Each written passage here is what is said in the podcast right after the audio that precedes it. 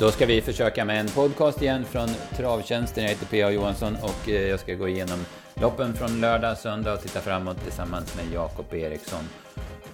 Och eh, Jakob, vi kör igång direkt. Vi kör igång med eh, Silverhästen V756 från Solvalla i lördags. Där det blev det förväntade favoritfallet. Eller förväntan var stor favorit på palchen. Men ja, bland tipsexperter och så vidare så var det förväntade favoritfallet. Och det vart Nadal Brolands tur att vinna lopp.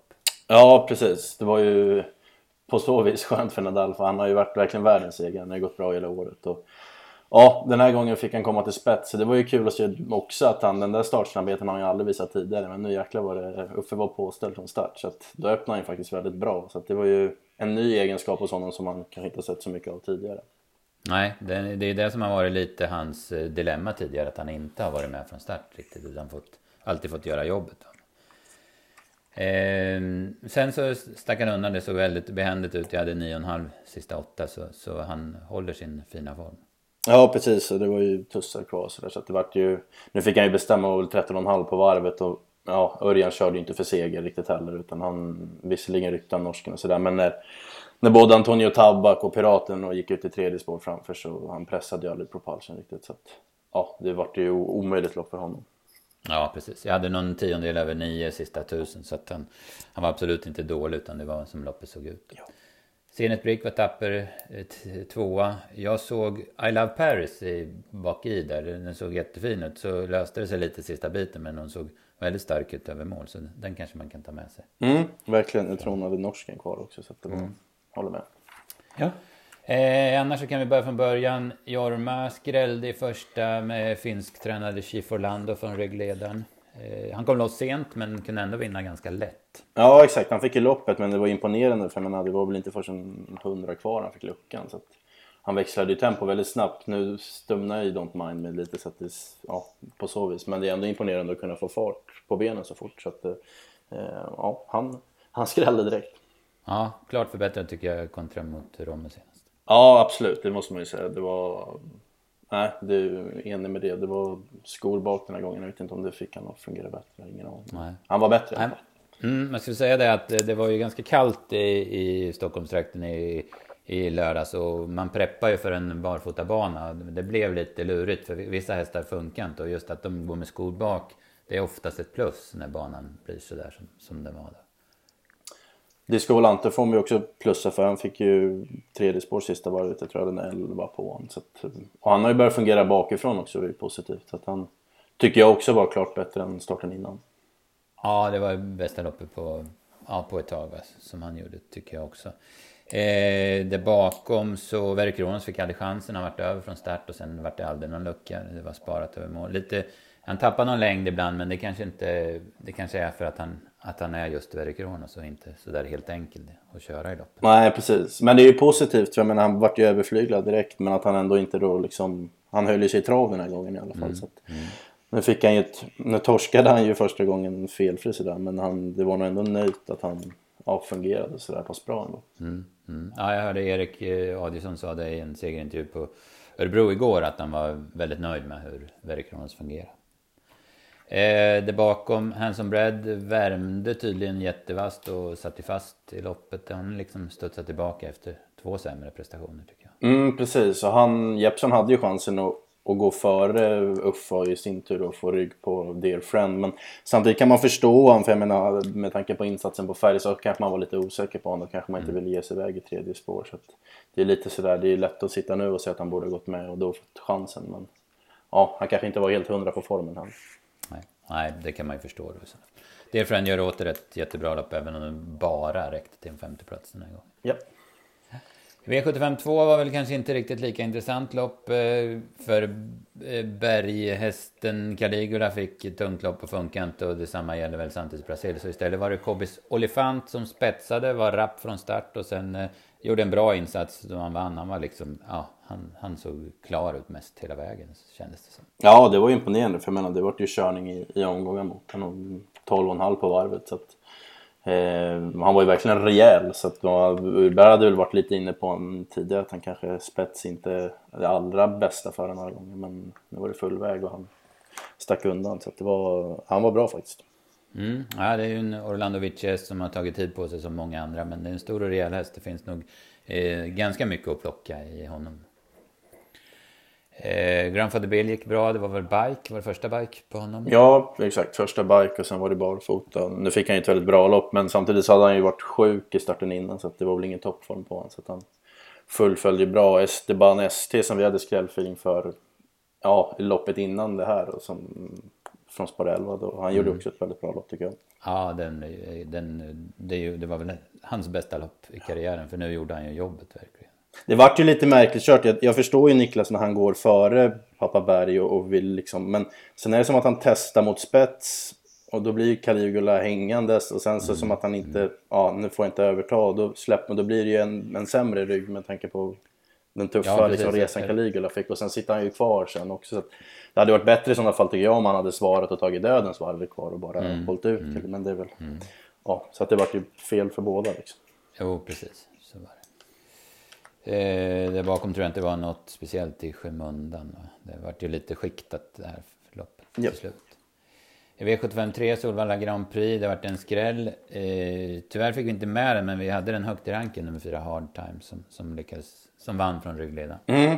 Små marginaler. Han hade ju inte fått ryggledaren om Vam Kronos inte hade hoppat in i första sväng. Så nu fick han ju ryggen på Sundberg och sen kunde han ju avgöra precis till slut. Då. Så att, eh, från tredje invändigt vinner han ju inte men nu, nu hann han dit. Eh, Favoriten Sex Zoomer hoppar ju och Highglider som vi trodde mycket på var ju dålig. Så att man, om det var banan eller om han var sjuk eller vad det nu var. Men han var ju väldigt mycket sämre än gången innan. Så man undrar om det var allt rätt med honom. Ja, nej precis. Det var ju något som spelade in där. Eh, jag tänker på Vamkrons galopp där. Var det inte så att Mika Fors skulle snabbas ut där när det uppenbarades en lucka och att hon hoppade i, i det här läget? Eller? Ja, det så kan det nog vara. Det var, minns inte riktigt men Nej.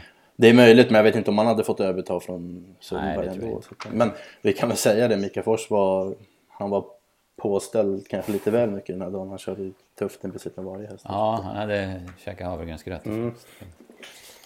Eh, ja, Eldorado B, han gör, en, han gör en bra prestation. Han tar, tar ju ändå emot mot dem och sen, han ger sig knappt. Det, det, är ju, det, händer, det har ju hänt förr att han har fått gett sig knappt, om man säger. Men, men prestationen i sig är ju ganska bra ändå. Ja, precis. Han är ju nyttig men det är ju, ja, det är väl ingen hemlighet att han har, har det lite svårt till slut. Det är som du säger, det är ju fler tvåor än ettor. så Yes. Eh, ha, V75 4 så, eh, där var det en väldigt bra prestation av Queen of Sand. Hon stod ju på tur för seger, gjorde ju ett topplopp i Sundbyholm där man kan säga att det blev fel den gången. Men den här gången blev det rätt och även om hon fick tryck i omgångar så gick hon undan snyggt.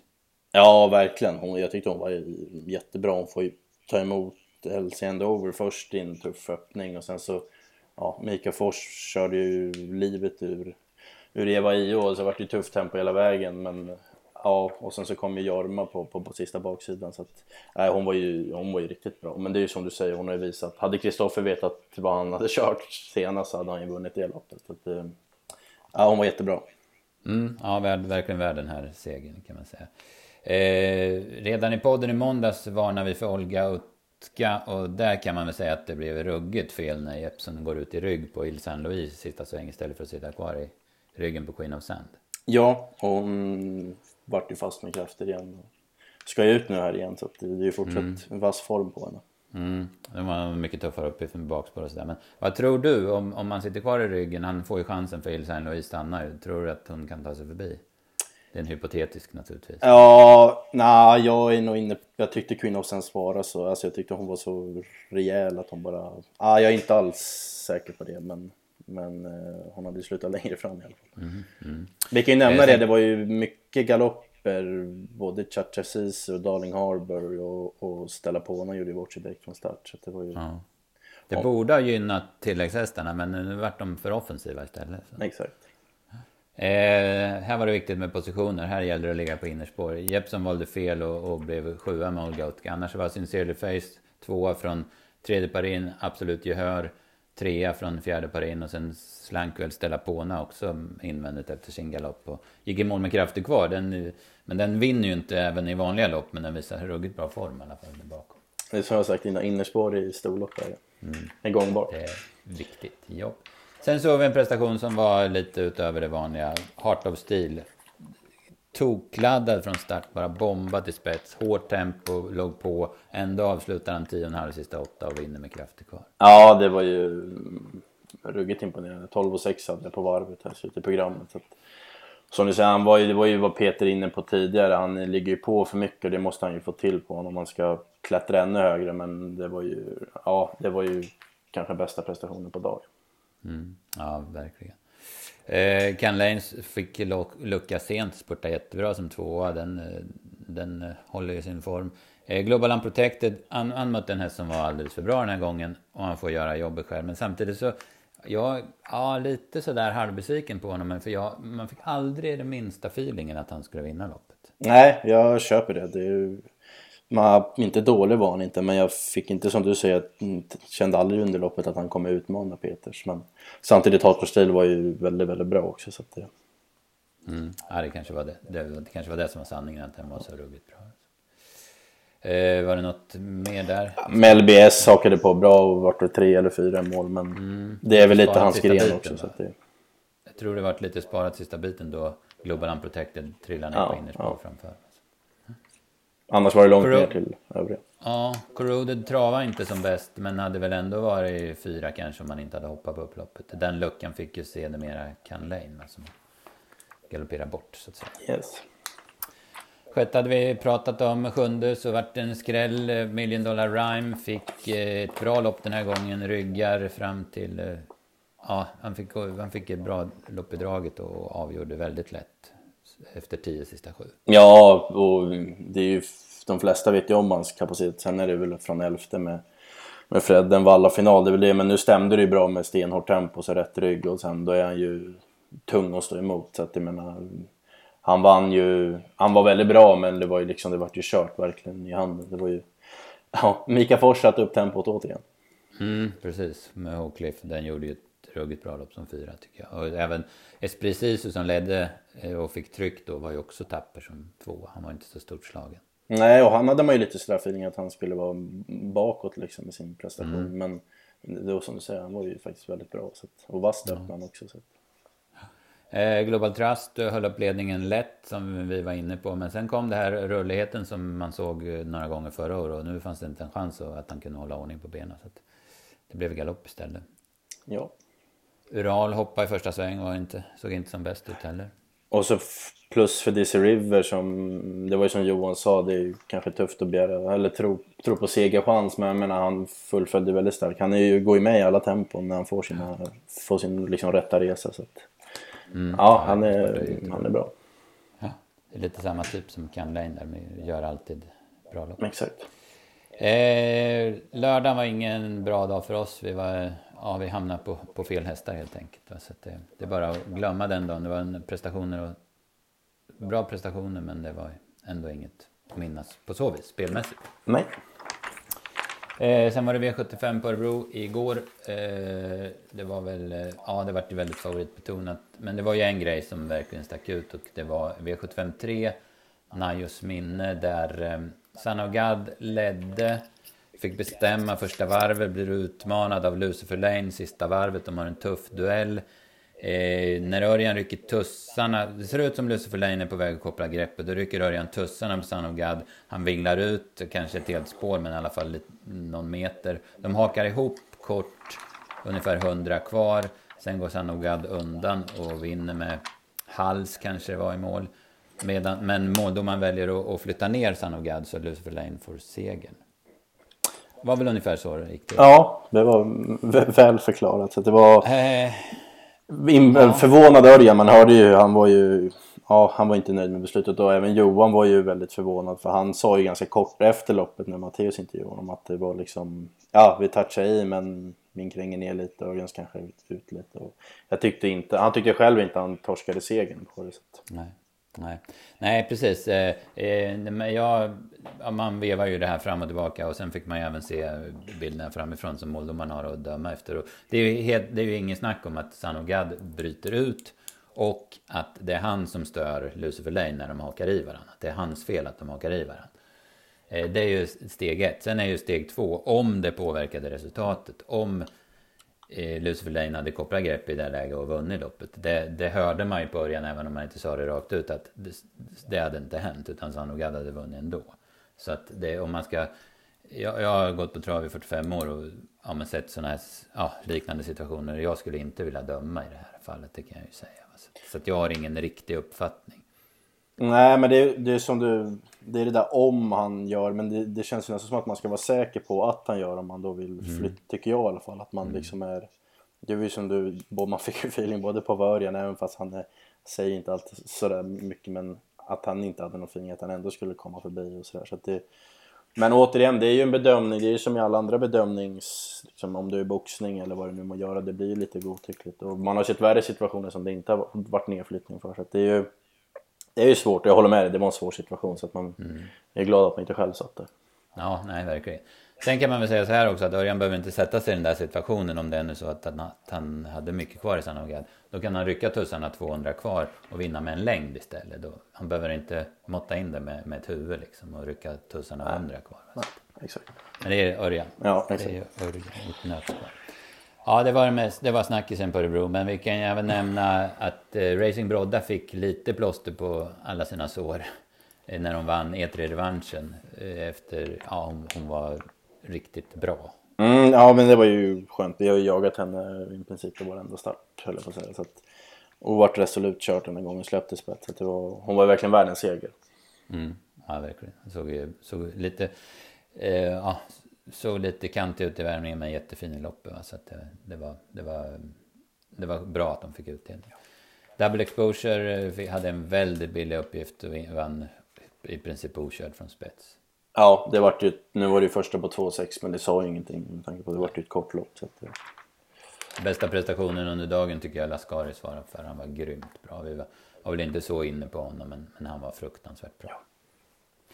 Så är det. Eh, I veckan som kommer. Ja, vi hade ju, vi körde ju en eh, live, eller en fråga på Instagram där, eller två frågor till och med som, som ni eh, följare fick vara med och, och svara på. Om, det var två frågor va? Var det inte så?